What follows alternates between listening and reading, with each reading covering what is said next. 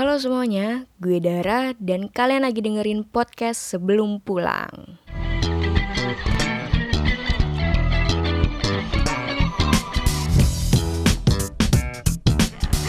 Yeay, welcome Intan to my podcast. It's such an honor for me. Sampah-sampah. Ya, kita ini sekarang tanggal 13 April. Kita baru habis dari acara apa Tan tadi Tan? Habis acara ngerumpi gadeng. Oke serius. Tadi habis acara dari Buka Talks, Buka Lapak dan tadi juga speakernya keren-keren dan fokus sekarang kita mau bahas salah satu speakernya Speakernya. yaitu Kak Cecel. Siapa itu Kak Cecel? Kalau kalian rakyat-rakyat galau ya yang biasanya repost quotes quotes nah ini pasti udah nggak asing lagi dengan Neketeci serem. Serem. Serem. Banget Nah, ngerusak ngerusak karya orang. Ya Neketeci atau nanti kita cerita, Cerita. tentang hari ini. Kita juga pengen cerita tentang hari ini ya Tan. Betul banget. Terus tadi tuh yang ngena banget ada satu quotes yang dibawain Kak Cecel. Eh, sebenarnya seluruh topiknya sih hari ini. Uh-uh. dia ngebahas tentang em, tentang menjadi, manusia. kayak sebuah nama konten YouTube. iya ya. Ya, jadi quotesnya tuh yang ngena banget di gue dan lu juga ngena banget ya Tan. banget sampai tersentil hati gue Padahal satu kalimat doang. Kalimatnya tuh eh, manusia ya jadi manusia aja. betul karena keresahan kita semua ya kayaknya apalagi yang udah di- biasa ditampilin di media sosial Mm-mm. banyak orang tuh berpura-pura ingin menampilkan hal yang paling sempurna terus banyak juga orang ketika melihat kebahagiaan orang lain kita jadi sambat sendiri Iya. Kita jadi tanpa sadar tuh nyamain pattern orang lain dengan pattern kita. Ngedefine bahagianya tuh harus sama. gue juga ingat ini sadar. dia juga bilang ya yang di share orang 15 detik kebahagiaan 15 tahun dia bersedih nggak di share Hmm. dan orang langsung menjadikan itu sebagai benchmark kehidupan dia harusnya juga bisa sebahagia orang itu gitu Iya. kan Padahal dia cuma ngeliat 15 detik doang, dia nggak ngeliat 15 tahun ini orang ngapain aja sih. gitu ya. betul sekali Dan Nah, itu- kita pengen sharing-sharing nih. hmm, Em, karena tadi akarnya dari situ tentang menjadi manusia tuh ya udah lepasin aja gitu ya Hmm. filmnya lagi ngerasain apa gue pengen tahu deh tan lu kalau sedih tuh mendingan sendiri aja atau justru butuh orang lain gue ada tahapan sih sebenarnya. Hmm. pertama kalau emang lagi mental breakdown banget emang gue akan memutuskan kontak dari dunia. Bahkan dari orang tua gue itu juga emang ekstrim sih tapi nggak lama. Memang gue ketika itu akan mengurung diri di kosan gue airplane mode HP gue bener-bener gue mengukung diri dengan diri gue doang gitu. Cuman emang gue sadar ini nggak bisa lama-lama karena semakin lama otak gue cuma terkumpul dengan negativity. Meskipun gue udah ngelakuin hal-hal yang gue suka seperti baca novel main gitar nonton film yaitu termasuk cara gue untuk mulai menstabilkan emosi gue sih. Hmm. karena gue ngerasa ini terlalu dark kalau gue ajak bahkan best friend gue sendiri untuk datang ke kosan bantu gue buat lebih bisa tenang lagi menghadapi emosi negatif gue. Tapi gue harus selesaiin ini dulu dengan diri gue sendiri. Setelah itu gue akan nggak lama-lama sih paling beberapa jam terus gue akan mulai kembali ke dunia dan yang pasti yang akan gue hubungin pertama itu adalah orang-orang terdekat gue. Sesimpel kayak temen gue dari SMA yang kebetulan ngekos dekat sama kosan gue. Pasti gue bakal ngubungin dia buat yuk main ke kosan gitu. Hmm. intinya memang ya gue sebenarnya orang ekstrovert yang juga orang introvert ya, ambivert sih. Hmm. butuh waktu sendiri tapi juga butuh kehadiran orang lain tapi memang orang yang dekat dan berarti buat gue gitu. Nggak nggak kalau misalnya ketemu orang rame-rame gitu justru gue nggak mau kalau misalnya orang yang gue nggak punya apa ya hubungan personal, Personal. uh-uh, yang kayak gitu Oke. dan itu ngebantu banget sih sebenarnya Oke. Eh, gue juga tadi ingat sih si Kak Cecel juga sempat ngomong gue nggak tahu sih tapi sesi si Kak Cecel nih kayak anjir lah anjir Iya. lah gitu ya Banget. kayak tiap beatnya dia tuh iya juga sih kayak tadi dia sempat eh, nyinggung soal kita tuh terbiasa di lingkungan di mana kesedihan tuh disembunyiin. Banget. cenderung di eh, orang-orang kita tuh nggak apa ya masih awam dengan ngungkapin kesedihannya. Mm-mm. kayak ya udah kesedihan lo tuh disimpan di rumah aja. Sebenarnya gue juga kebiasaannya kayak gitu jadinya. Gue dulu dulu ya udah kesedihan tuh gue tutupin gue tahan gue nggak nggak tahu nih cara healingnya. Gue cuman um, ya udah ngedokem sendiri gitu diem sendiri tanpa sadar gue malah ngelampiasinnya ke orang lain. Yang orang lain tuh nggak tahu nih kenapa gue tiba-tiba kayak gini gitu. Karena gue terbiasa dengan mindset ya udah kesedihan gue simpen sendiri. Tapi kan ya nggak bisa ya. Hmm. ternyata makin ke sini kita butuh orang lain juga sebenarnya untuk cerita gitu. Dan uh, gue kayak posisi lu kapan lu sampai sadar kalau oh ternyata gue butuh orang lain? Sempet gak sih lu justru dikecewakan dengan orang lain gitu saat lu share tentang kesedihan lu? Sempet banget itu waktu gue awal kuliah sih. Jadi memang orang yang gue kira akan menjadi sahabat gue di masa kuliah justru matahin gue buat diri gue jadi lebih tertutup. Bahkan gue sebelumnya nggak tertutup anaknya cuman karena dia akhirnya gue tertutup. Cuman karena kalimat dia bilang gini tan kalau lo kayak gini terus orang nggak bakal mau temenan sama lo orang bakal malas sama lo. Hmm. udah sesimpel itu doang sesimpel itu. Dan dia ngomongin itu ketika gue lagi cerita tentang keseharian doang sih sama ya namanya sama teman sendiri. Tentu akan cerita sambat-sambatnya yang kayak gitu kan. Cuman hmm. gue karena kalimat dia itu gue akhirnya berpikir ketika gue jadi diri gue sendiri yang setiap manusia punya sisi rapuhnya kan. Dan gue tunjukin sisi rapuh gue itu ternyata orang nggak nerima oke okay, semenjak itu akhirnya gue punya defense mechanism yang kebalikan. Semakin gue sedih semakin gue akan saling bercanda. Hmm. semakin gue terpuruk semakin gue akan jadi petakilan. Gue tuh suka miss sih ketika ada yang ngomong Intan hari ini kok happy banget? Terus ada yang lain nyeletuk ya Intan kan happy terus kapan dia nggak happynya? Sampai hmm. gue langsung di momen itu dem padahal tuh gue habis nangis sebelum jalan ke kantor. Sesimpel hmm. itu sebenarnya karena memang udah terbiasa dari kuliah sampai hari ini pun defense mechanism gue adalah bercanda dan tertawa okay. biar gue bisa lari dari itu perasaan gitu hmm. cuman gue tahu semakin ke sini itu ya lari dari masalah itu sebenarnya nggak baik ya hmm. sebenarnya dan gue juga sadar dia tuh bukan berarti ketika gue menjadi diri gue dan menunjukkan sisi rapuh gue itu adalah hal yang salah cuman ketika itu yang mendengarkan gue adalah orang yang salah Oke, okay, I see. Uh, karena orang yang tepat akan sekeras kepala itu untuk ngedukung lo gimana pun jeleknya lo setiap manusia punya sisi mm-hmm. jeleknya kan mm-hmm. dan itu yang gue sadari itu juga di masa akhir kuliah sampai sekarang ketika ada beberapa orang yang memang masih mau temenan sama gue meskipun tahu sampah-sampahnya gue berarti gue mm. sadar ya dulu itu dia orang yang bukan orang yang tepat mereka inilah orang yang tepat kayak okay. gitu jadi sebenarnya uh, bukan caranya yang salah ya Mm-mm. bisa jadi itu medium lo yang salah betul banget kan kadang mindsetnya oh, oh gue udah dikecewain nih sama orang ini udahlah gue berhenti aja untuk sharing tentang masalah gue mm. tapi ternyata uh, orangnya mungkin maksudnya lo uh, salah cerita sama dia mm. tapi lo sebenarnya benar untuk ngungkapin perasaan lo dan itu fair fair aja sebenarnya ya fair banget karena juga gue berpegang teguh juga sih sama kalimatnya Lang Live gitu.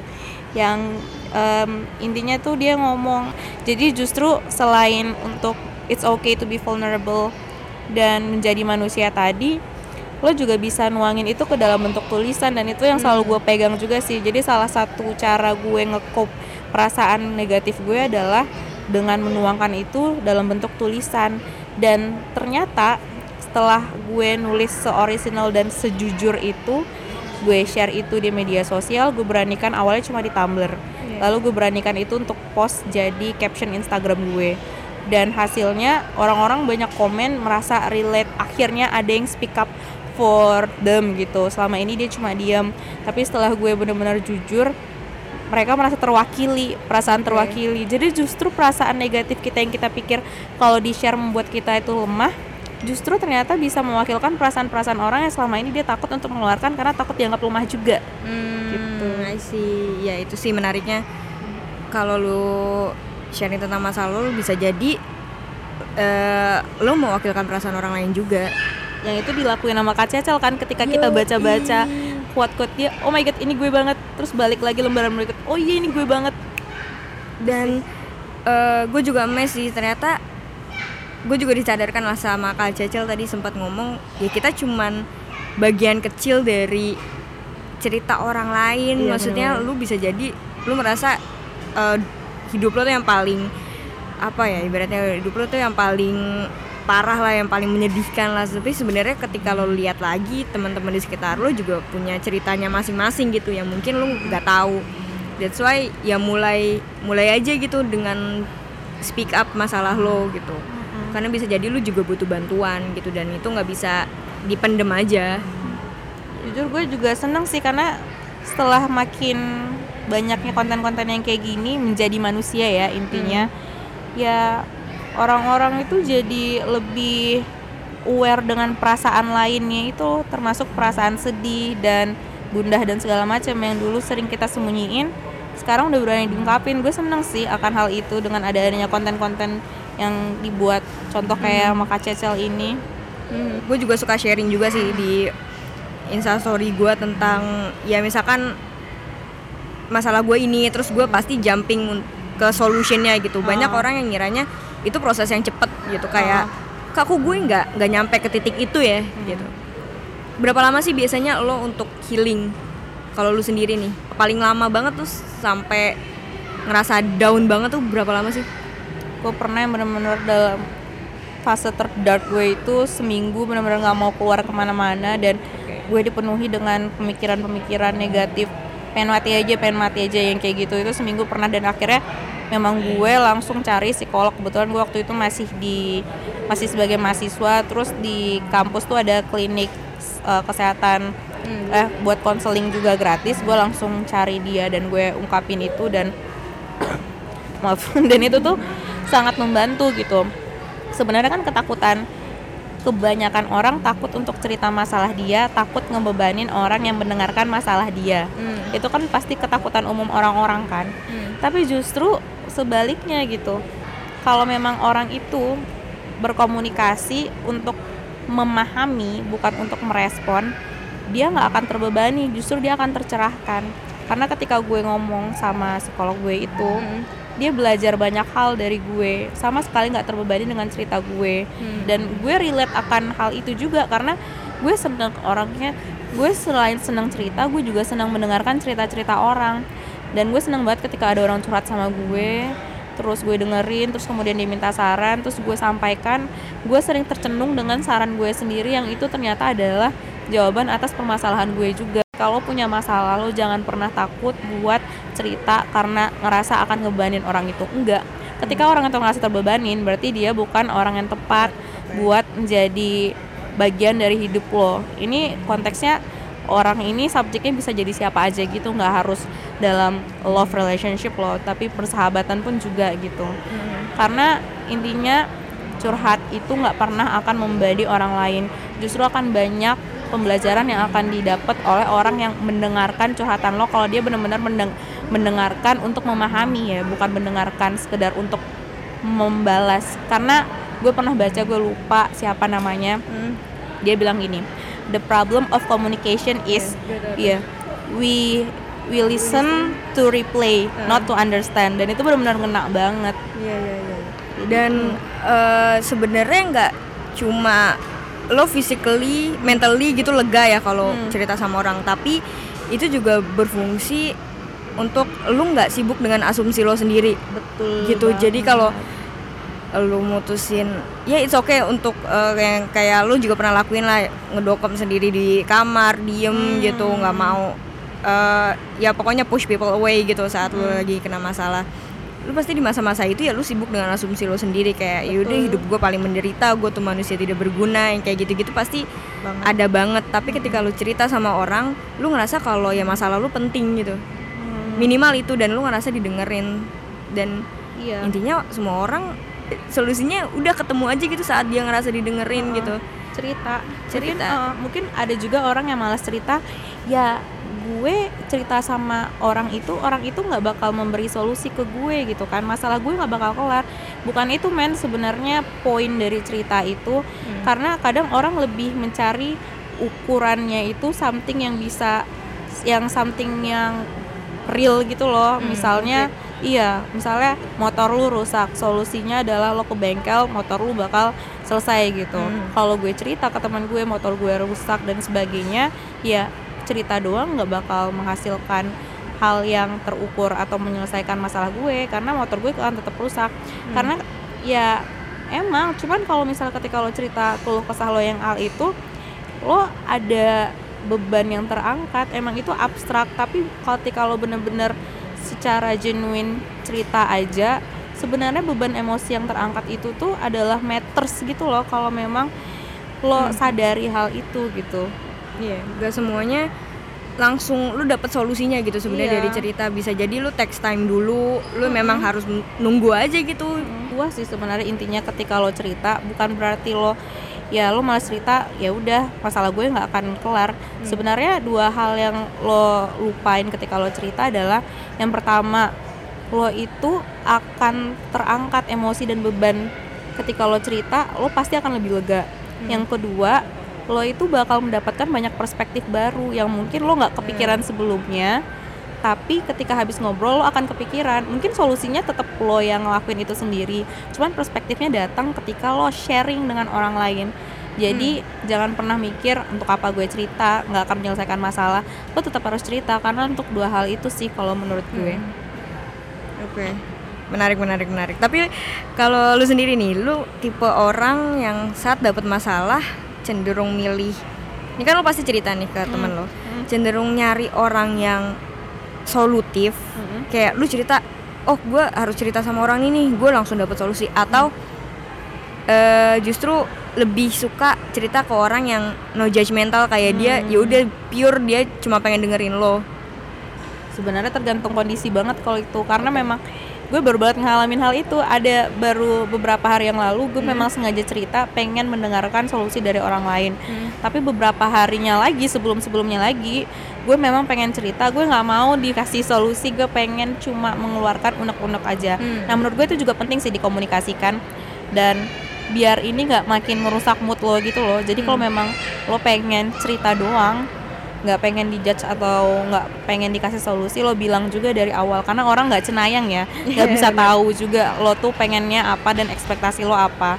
Jadi lo bilang gue selalu nerapin itu ke orang-orang yang gue jadiin tempat curhat Oke. soalnya eh, gue kan punya gue masih sahabatan sama sahabat-sahabat gue dari SMP gue pasti bakal ngomong ke dia kali ini gue pengen didengerin doang. Ya udah mereka dengerin terus gue plong. Karena gue lagi setiap orang pasti kalau ada masalah lagi ada masa defensifnya kan. Jadi dikasih masukan apa pun gak bakal masuk mental gitu. Udah calm down akhirnya gue akan ngomong oh kali ini gue butuh pendapat dari kalian. Jadi memang itu situasional banget sih.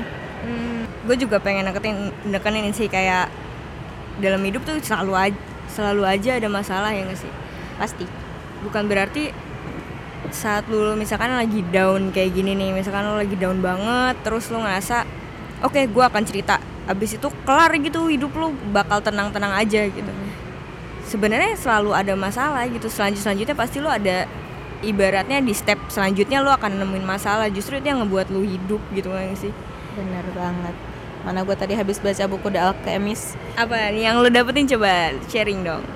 Intinya meskipun ini terdengar klise tapi lo harus dengerin apa yang diutarakan sama hati lo. Dan kenapa orang-orang takut untuk mendengarkan suara hati dia atau mengikuti? Lebih ke mimpi sih ini kan pencarian jati diri ya. Orang-orang takut untuk mencari jati diri dia ngikutin impian dan cita-cita tertinggi mereka. Karena ketika dia mengikuti passion terbesar dia ketika itulah hati dia akan paling tersakiti. Kenapa? Karena dalam proses pencarian proses kita mencapai cita-cita itu akan banyak banget rintangan. Tapi justru sebenarnya rintangan kejatuhan dan segala hal-hal yang kita pikir negatif misalnya kerugian dan segala macam itu tuh justru semakin membuktikan bahwa memang itulah kita tuh tercipta untuk mengejar hal itu. Jadi hal-hal buruk itu datang bukan sebagai bentuk untuk menjatuhkan kita dan membuat kita oke berarti itu bukan hal yang ditakdirkan ke kita bukan jadi semakin keras gitu badainya semakin membuktikan memang kita ditakdirkan untuk menggapai itu kayak gitu loh kalian harus baca sih Ba- parah bagus banget apa judul bukunya The Alchemist by Paulo Coelho gue takut salah ngomong sih tapi The Alchemist caranya The Alchemist Oke, miss. Oh, menarik. Menarik benar-benar. Oke. So last juga. last one nih. Hmm. Coba lu ada kata-kata tersendiri nggak sih untuk tiap kali lu ngadepin masalah kayak ketika baca baca kata-kata itu lu langsung oke ini nggak apa-apa gue ngerasain ini. Ada nggak quotes tersendiri gitu? Kalau gue sih Ya. yang masih selalu akan menjadi pegangan buat gue adalah lo itu hidup pasti punya misi yang harus diselesaikan. Selagi lo masih hidup, berarti lo tetap harus gimana pun pedihnya hidup lo tetap harus bangkit ngelesain misi itu lo tetap harus menjalani hidup hidup lo. Jangan sampai lo terjebak dengan emosi-emosi ini. Ya emosi-emosi ini meskipun itu sedih atau gusar bukan berarti itu emosi negatif dan sebagainya. Embrace it and you'll find your way to your happiness. Asik. Oke guys, itu tadi obrolan gue sama Intan. Dan kali ini gue mau recap sedikit sih. Intinya ada tiga hal yang gue dapet, gue dan Intan dapet dari Kak Cacal hari ini. Yang pertama, ya intinya kita nggak bisa maksain pattern orang sama dengan pattern kita. Seringkali ya kita lihat di Instagram atau medsos lain, orang kok cepet banget ya happy-nya atau kok nih orang nggak kelihatan sama sekali susahnya terus pas kita lagi down-downnya kita ngerasa ini bukan hal yang bener gitu. Kita ngerasa kalau em, kayaknya orang-orang normalnya tuh nggak ngelaluin ini deh. Kenapa ya kok cuman kejadian sama gue doang? Padahal ya itu pilihan orang lain untuk gak nge-share bebannya atau mm, kayak gue yang biasa gue lakuin gue selalu saat gue udah siap untuk cerita di medsos adalah ketika gue memang sudah ketemu solusinya baru gue share. Atau ketika gue udah dapet meaning dari segala macam masalah yang gue hadepin baru gue cerita di medsos. Jadi doesn't mean orang-orang yang suka sharing setiap hari misalkan dia senang-senang terus orang itu nggak ada sama sekali sedih-sedihnya. Bukan berarti seperti itu dan lu juga nggak bisa maksain yang namanya pattern orang atau em, ya saat orang itu bahagia definisi kebahagiaannya tuh harus sama dengan lo. Terus yang kedua em, segala macam emosi itu bagian dari pattern hidup kita. Segala macam emosi sedih marah kecewa itu semua memang udah pola hidup kita gitu. Dan mungkin bisa jadi lu nggak bisa skip yang lo lakukan satu-satunya adalah untuk ngadepin itu semua. Jadi embrace it aja gitu ketika lo sedih oke lo nikmatin momennya. It's okay to be not okay. Dan ketika lo merasa lo harus sendiri dulu oke do it. Jangan takut untuk cerita masalah lo ke orang lain. Itu poin ketiga yang gue dapetin dari sharingnya Kak Cecil hari ini. Mungkin sebagian dari kita udah ketemu sama orang yang salah gitu yang orang yang bikin kita kayaknya untuk cerita masalah kita adalah sesuatu yang salah. Padahal itu fair fair aja. Intinya find the right medium. It doesn't mean medsos misalkan. Kesannya kayak eh, medsos nanti kita cerita tentang hari ini tuh hopeless semuanya. Nggak juga gitu.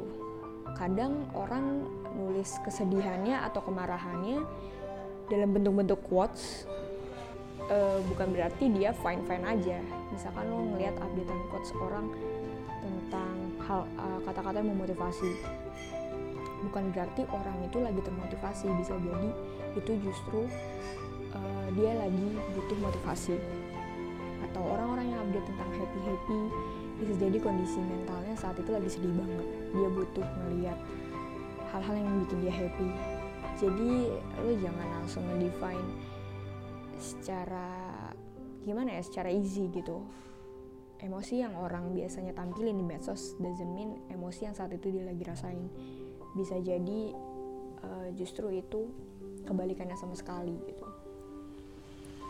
Again jangan takut untuk ngungkapin masalah lo ke teman-teman lo. Lo cuman butuh medium yang tepat aja sebenarnya biar lo juga nggak sibuk dengan asumsi yang ada di kepala lo. But in the end save yourself. Please do something to yourself